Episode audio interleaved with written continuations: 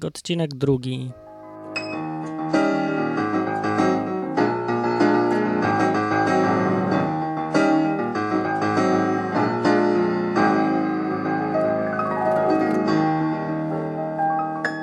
Witam wszystkich w tym cieplutkim dniu, w którym żar się leje z nieba 32 stopnie w cieniu, ale jak sobie przypomnę, jak w zimie się czułem, to jestem od razu zadowolony i szczęśliwy. Więc chciałem zacząć pierwszy treściwy odcinek odwyku od powiedzenia czegoś na temat Biblii, ale zmieniłem zdanie, bo znalazłem bardzo ciekawe coś w internecie. To coś to jest nagranie z chyba konferencji chrześcijańskiej, gdzie Mirosław Kulec, taki człowiek, mówił no, o swoim życiu, krótko mówiąc. I słuchałem tego właśnie dzisiaj rano, pierwszy raz. Pomyślałem sobie, że zanim zacznę mówić o Biblii, żeby to nie była taka teoria tylko dla wszystkich, żebyście nie myśleli też, że to jest jakaś gadka, szmatka, że to jest jedna z 15 tysięcy innych książek, albo że to jest kolejny jakiś mój numer, w którym sobie chcę jaja robić, dlatego robię następny podcast o Biblii, w którym będę sobie mówił ha, ha, ha, ha, Biblia, ha, ha, ha, ha, ha, Bóg stworzył świat, ha, ha. Niekoniecznie ha, ha. Nie mówimy tutaj o teorii, nie mówimy tutaj o teologii, mówimy tutaj o życiu, o prawdziwym życiu, chociaż to jest zupełnie pewnie inne życie, które znacie. To jest jakiś inny świat, Matrix taki. To jest życie, które nie jest szare, tylko kolorowe. To jest życie, w którym jest ten element, którego wszystkim myślę brakuje, ale niewielu ma odwagę jego szukać i przyznać się do tego, co to jest to, czego im brakuje. Więc o tym życiu, o swoim życiu mówić będzie teraz Mirosław Kulec, taki człowiek. Nie znam go osobiście, chociaż miałem okazję, ale no, zmarałem sprawę. Znalazłem to nagranie w internecie, zamieszczam link do całości. Powycinałem z niego niektóre tylko fragmenty, więc całość możecie chcieć posłuchać na tej stronie, którą e, podaję. Myślałem, żeby jakieś komentarze na końcu i w trakcie tego, co on mówił, e, mówić, ale myślę, że to, co on mówi, nie potrzebuje żadnego komentarza. To, co ten człowiek opowiada, to nie jest science fiction, tylko to jest to, w jaki sposób on żył naprawdę. To są fakty, on tego nie zmyśla. E, jak chcecie, to możecie spotkać tego gościa w hełmie bodajże mieszka teraz, więc się go zapytać, jak tam z tymi rzeczami było. Dobrze wiedzieć, że takie rzeczy są na świecie, że takie rzeczy się zdarzają. Nie traktujcie tego jako żadną indoktrynację, tylko w najgorszym przypadku jako no, coś ciekawego, co kto, komuś innemu się przydarzyło. Niezwykłe zbiegi okoliczności. Wytłumaczcie sobie te zdarzenia w jakikolwiek chcecie sposób inny, ale dobrze jest wiedzieć, że takie rzeczy są. I to tyle na ten temat. Mirosław Kulec mówi o sobie. Czasem trzeba popatrzeć w przeszłość, dlatego żeby zobaczyć z jakiego dołu się wyszło. Nigdy nie zapomnę tego dnia, kiedy pewien piątkowy wieczór byłem na imprezie takiej jak są modne dla młodych ludzi. Sam będąc wtedy bardzo gorliwym zwolennikiem luźnego i wesołego życia. Wiecie, to był dzień, kiedy poszliśmy z kolegami do restauracji i jak młodzi ludzie w restauracji spiliśmy się nieprzeciętnie. Wydawało nam się, że życie jest bardzo wesołe. Wiecie, pijak zawsze ma dużo planów. Co zrobi, jak to będzie, czego on nie może. I wieczorem u pijaka bywa śmiech, a rano bywa płacz. I budzi, i tak się obudziłem. Okazało się, że w nocy pobiłem dziewczynę na ulicy. Okazało się, że powiedziałem dużo niepotrzebnych rzeczy. Miałem moralnego kaca. Zszedłem na dół, zapaliłem papierosa i pomyślałem, gdyby był Bóg. Jakikolwiek, jakby choćby Buddha, cokolwiek, Shiva, co tylko się da. Żeby tylko był chociaż taki Bóg, który jest prawdziwy.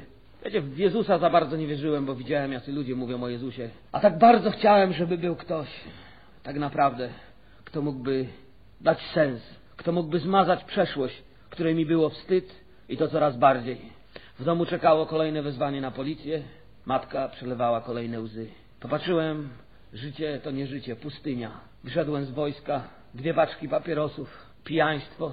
Nikogo nie kochałem, kochałem siebie. Wypaliłem papierosa, obszedłem budynek naokoło i wracam do domu.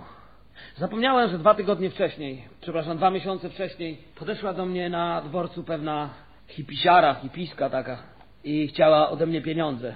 Ja wiecie, byłem człowiekiem, który składał motocykle. My z chłopakami nigdy nie próbowaliśmy narkotyków, uważaliśmy, że tylko słabi ludzie się parają narkotykami. i gardziliśmy tymi, którzy ćpali. I kiedy podeszła, chciałem jej zrobić wstyd i chcieliśmy jej wzbić ją na dworcu, ale sokiści nam przeszkodzili. I ja wracam do domu i to był ten dzień, kiedy marzyłem, że gdyby był Bóg, chcę, żebyście to pamiętali. Wracam do domu, a moja mama mi mówi, ktoś siedzi u ciebie w pokoju, czeka na ciebie. Ja wchodzę, patrzę, ona siedzi na środku, na podłodze. Wiecie, tak po turecku siedzi, jak to hipisi zwykli siadać, żeby było w stylu. I patrzy na mnie. Ja mówię, co ty tutaj robisz u mnie w domu? Czego ty chcesz tutaj? Mówię, zwariowałaś, że przyszłaś do mnie? Ona mówi, wiesz co, Mirek, przyszłam, bo tak patrzę na twoje życie, jaki ty jesteś sam, jak ty potrzebujesz, żeby coś się zmieniło. A ja mówię, a ty nie potrzebujesz, mówię, ćpunem jesteś, gorszym jesteś niż ja. Ona mówi, nie jestem ćpunem. Ja jej nie wierzyłem, nikt ćpania nie wychodzi. Ona mówi, ja nie ćpam. I zaczęła mi opowiadać o Jezusie. Moje sumienie było tak pogniecione i tak zdeptane, że nie miałem siły się z niej śmiać. Posłuchałem, a ona wiecie spytała mnie, czy nie przeszedłbym się z nią na imprezę. Czy impreza to było jedyne słowo, które na moją wyobraźnię działało. I w tamtym dniu pamiętam, sam ku swemu zaskoczeniu zapytałem jej, czy na tej imprezie będzie woda? A ona mówi, nie będzie. To idę z tobą. Wiecie, poszliśmy na imprezę, patrzymy, ludzie siedzą naokoło ogniska. Śpiewają pieśni, takie jak wy śpiewaliście, modlą się. I pierwsza rzecz, jaka mnie uderzyła, są całkiem inni niż wszystko, co znałem. Ja się już spotykałem, wiecie, z oazą wcześniej, spotykałem się z różnego rodzaju ruchami, ale zawsze tam była ta taka wymuszona religijność, wiecie, ta mina chorego osła, wiecie, oczy w górę. A ci byli inni. I śpiewają, cieszą się, podnoszą ręce, modlą się, a potem dziękują Panu. I tak posiedziałem godzinę z nimi, popatrzyłem jak się modlą i mi się strasznie palić zachciało. Ale czułem, że nie wypada. I wiecie, pomyślcie jak ja się czułem. Chłop po wojsku, po ulicy zawsze szedłem z tym petem i nigdy się nikogo nie wstydziłem. A tutaj ci chłopcy i dziewczyny naokoło, ja się wstydzę, młodsi ode mnie. Większość nawet w boju nigdy nie była. A ja stoję chłop, wiecie, i się wstydzi zapalić papierosa. Przeprosiłem ich na chwilę i poszedłem w krzaki, wiecie, i palę w krzakach i sobie myślę, do czego ja doszedłem. Ja się boję tych małolatów i palę w krzakach przed nimi. A bałem się ich, wiecie, tak, że myślałem, że jak wyjdę, jak oni zobaczą, że ja kurzę, to na dno piekła polecę, to się ziemia pode mną otworzy. Oni tacy święci byli w moich oczach. Zrobili na mnie wrażenie. Potem wróciłem, uśmiechnięty usiadłem, wszyscy wiedzieli po co byłem. Na pewno dzisiaj jak ktoś pali, to cuchnie od niego na pięć metrów. Wtedy tego nie czułem. I słuchałem dalej jak się modlą. Potem mieli kiełbasę, społeczność. Porozmawialiśmy i wróciłem do domu. I pomyślałem, fajnie, ale Bóg nie jest dla mnie. Dobrze by było, gdyby był Bóg. Ale ja nie dam rady tak po prostu stać się lepszy. Zostawić wszystko. Całe moje życie, moje motocykle, moich przyjaciół, mój styl. Jak bardzo nie wiedziałem, że Jezus ma inny plan. Trzy dni chodziłem z tą myślą. Odwiedzałem wierzących, codziennie do mnie przychodzili. Czy oni przychodzili jeden dzień, drugi dzień, trzeci dzień. Ja nie miałem czasu w ogóle z kolegami się widzieć. Ani kurzyć nie miałem czasu. Przychodzą dzień za dniem. Trzeci dzień z kolei na nabożeństwo pojechałem. Zaprosiłem chłopaków, moich kolegów, mówię, chodźcie, pokażę wam, kogo spotkałem. Do dzisiaj, kiedy jadę do tamtego zboru w Wapiennicy, wielu ludzi pamięta ten dzień, jak wjechaliśmy kilka motocykli. Gdzie szyby się im w oknach trzęsły. Zeszliśmy z tych motorów, z kury. Tacy goście weszliśmy, wiecie. Myśleliśmy, że zrobi na jakieś wrażenie, ale na nikim nie zrobiło. Podali nam ręce, przywitali, pośpiewali, było uwielbianie, modlili się. I jak zaczęli kazanie, to my pojechaliśmy do domu. Bo doszłem do wniosku, że śpiewają fajnie, ale kazania za długie. Ale widzicie, Bóg, Bóg jest cudowny, Bóg nie jest tylko w kościele. Pamiętałeś o tym, kiedy miałeś złamane serce, jak przychodziłeś do Jezusa, żeby przyszedł do Twojego życia. Wtedy Jezus był wszędzie, choćby na najgorszej mylinie przychodził. A potem człowiek, wiecie, pięć lat pochodzi do kościoła i mu się wydaje, że jest lepszy jak Jan Apostoł.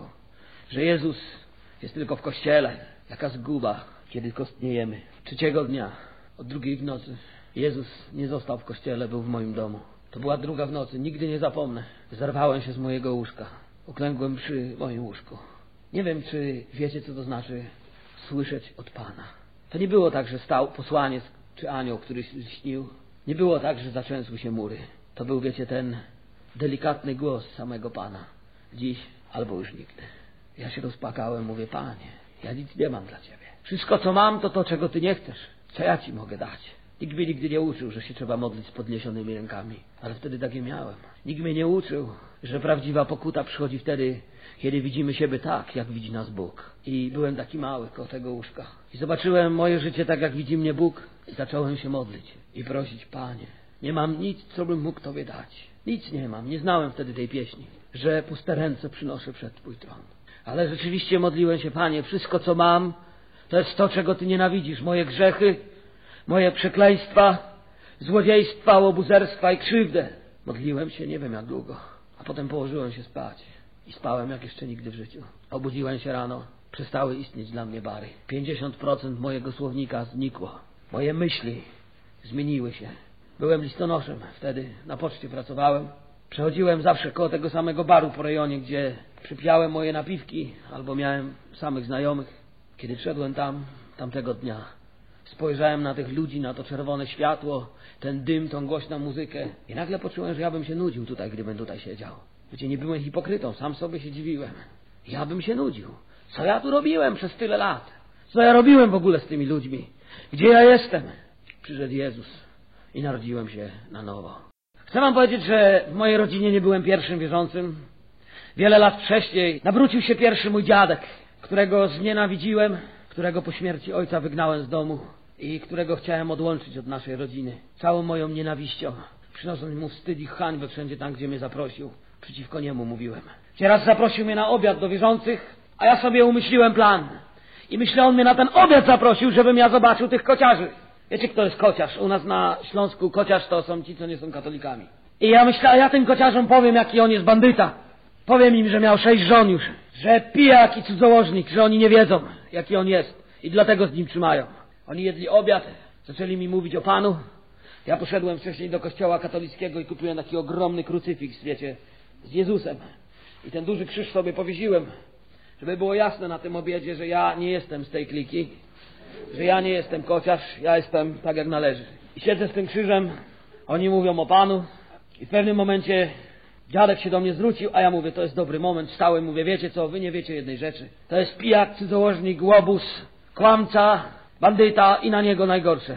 I to było moje pierwsze zdziwienie. Ci ludzie zamiast się wzdrygnąć i wyrzucić go, zaczęli mówić Aleluja, chwała Panu, jak dobry jest Bóg. Ja myślę, nienormalni. Czy ja się dziwiłem, że oni takiego grzesznika przyjęli, a oni nie grzesznika przyjęli.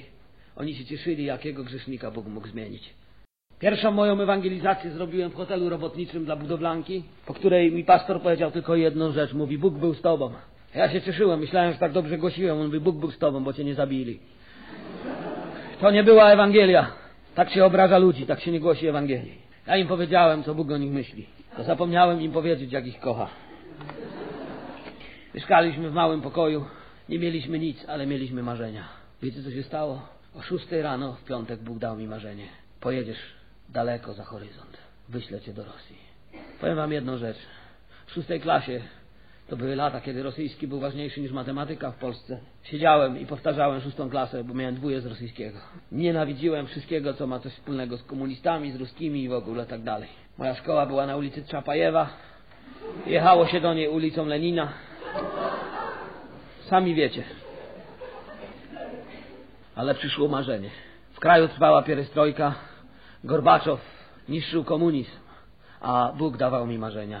Gorbaczow ogłaszał, że wali się Związek Radziecki, a Bóg powoływał mnie na służbę. I tak pewnego dnia, po roku modlitwy, zbieraliśmy 30 dolarów.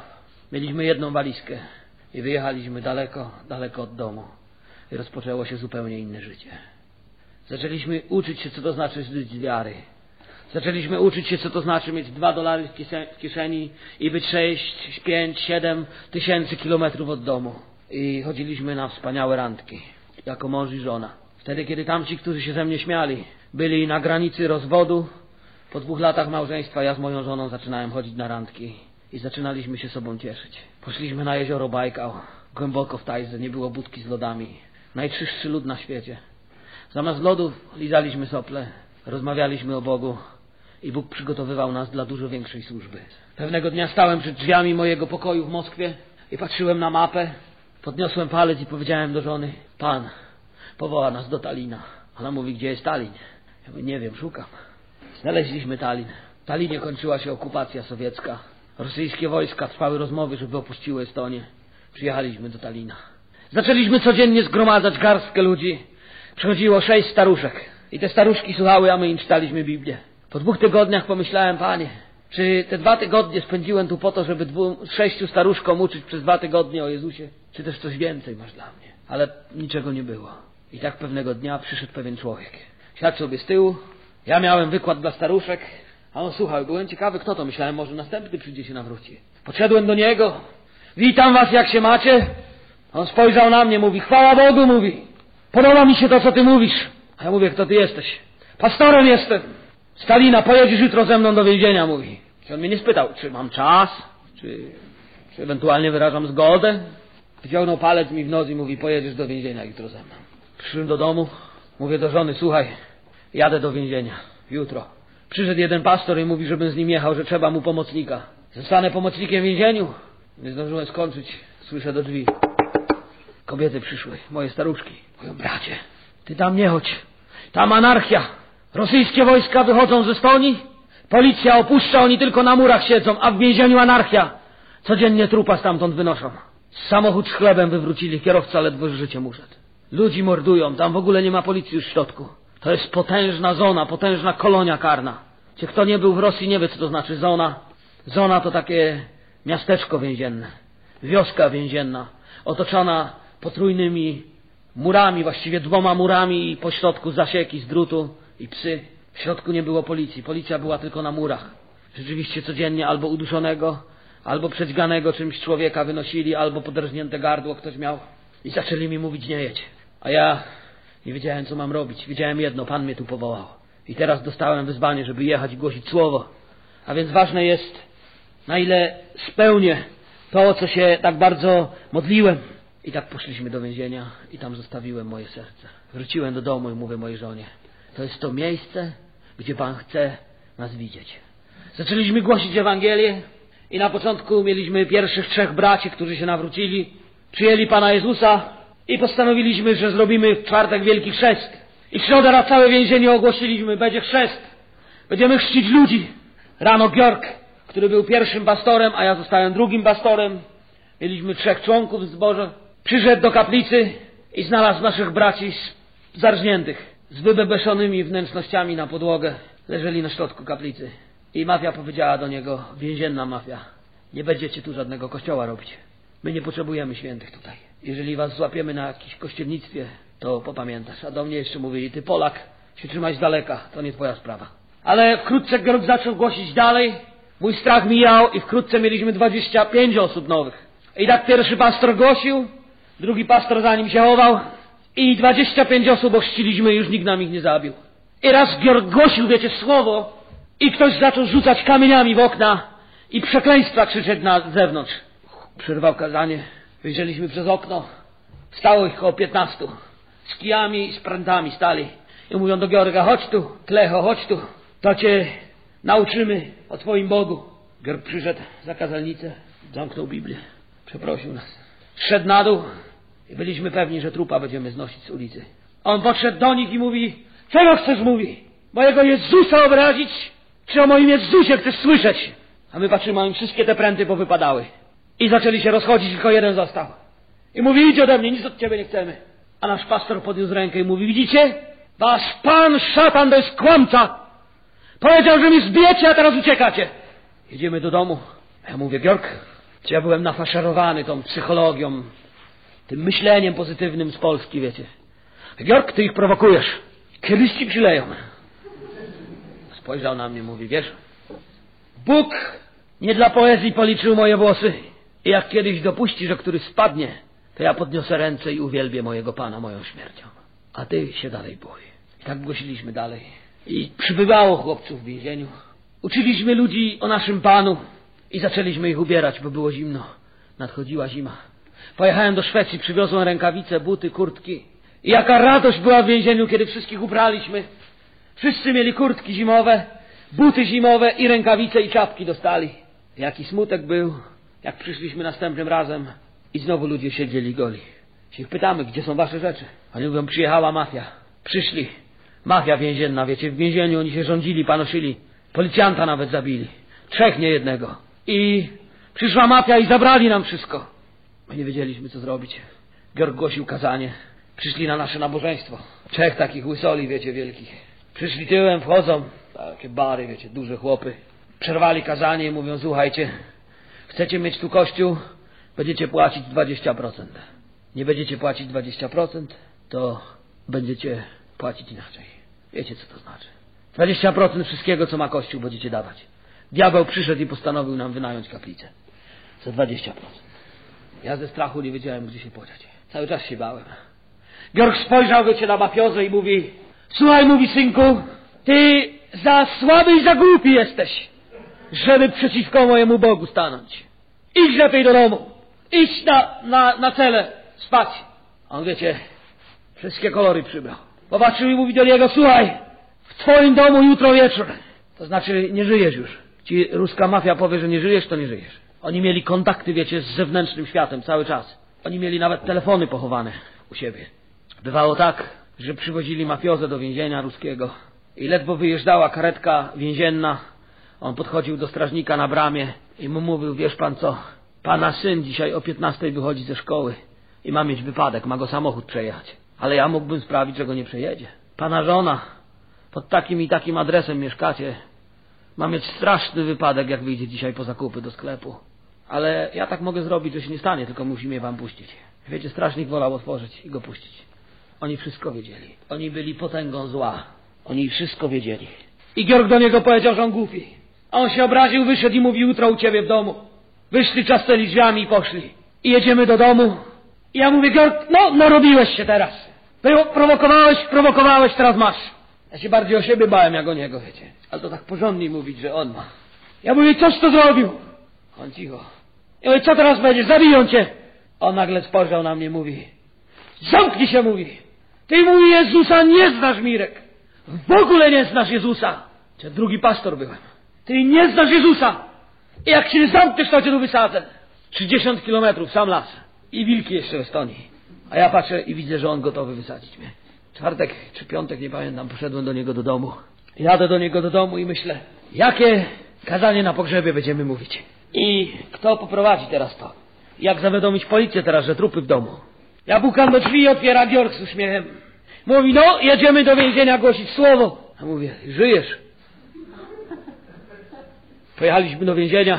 Ja wam powiem, to jest błogosławieństwo mieć takiego pastora.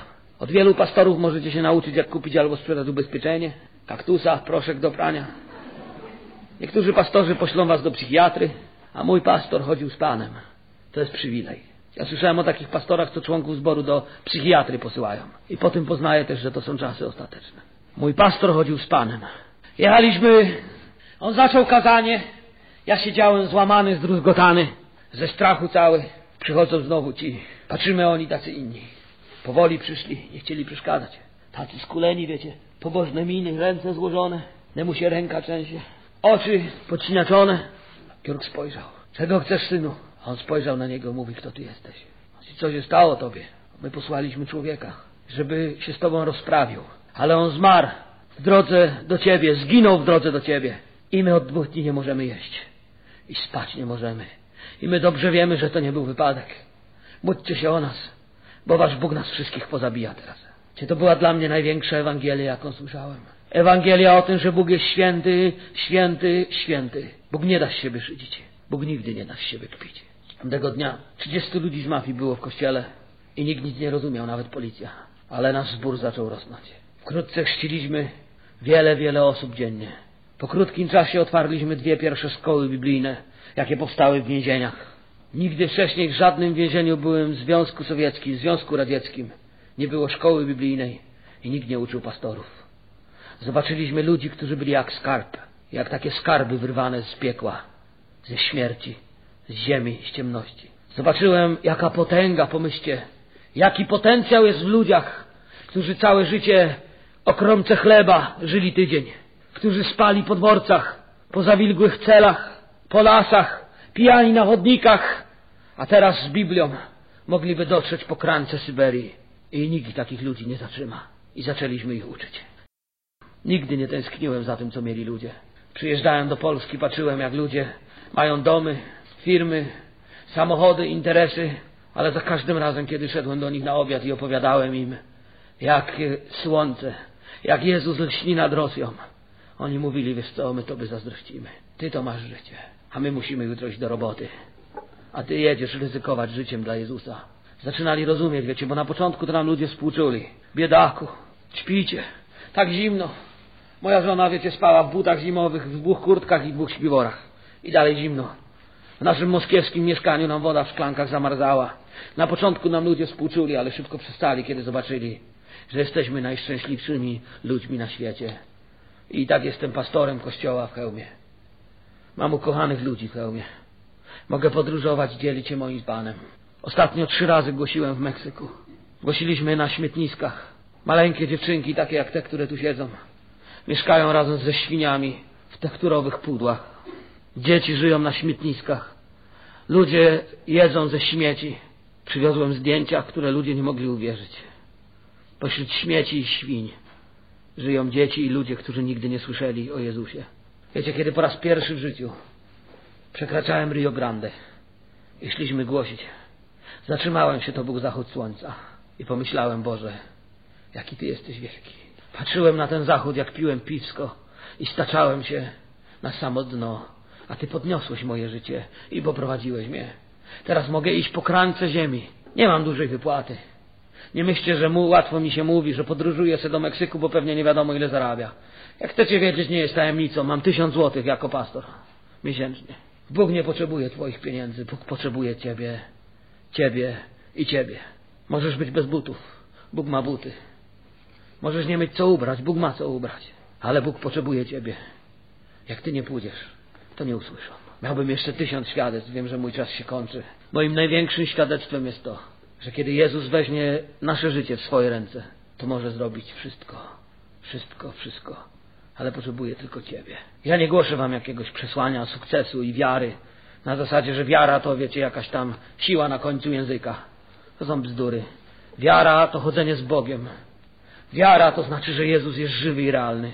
To jest wiara. Wiara to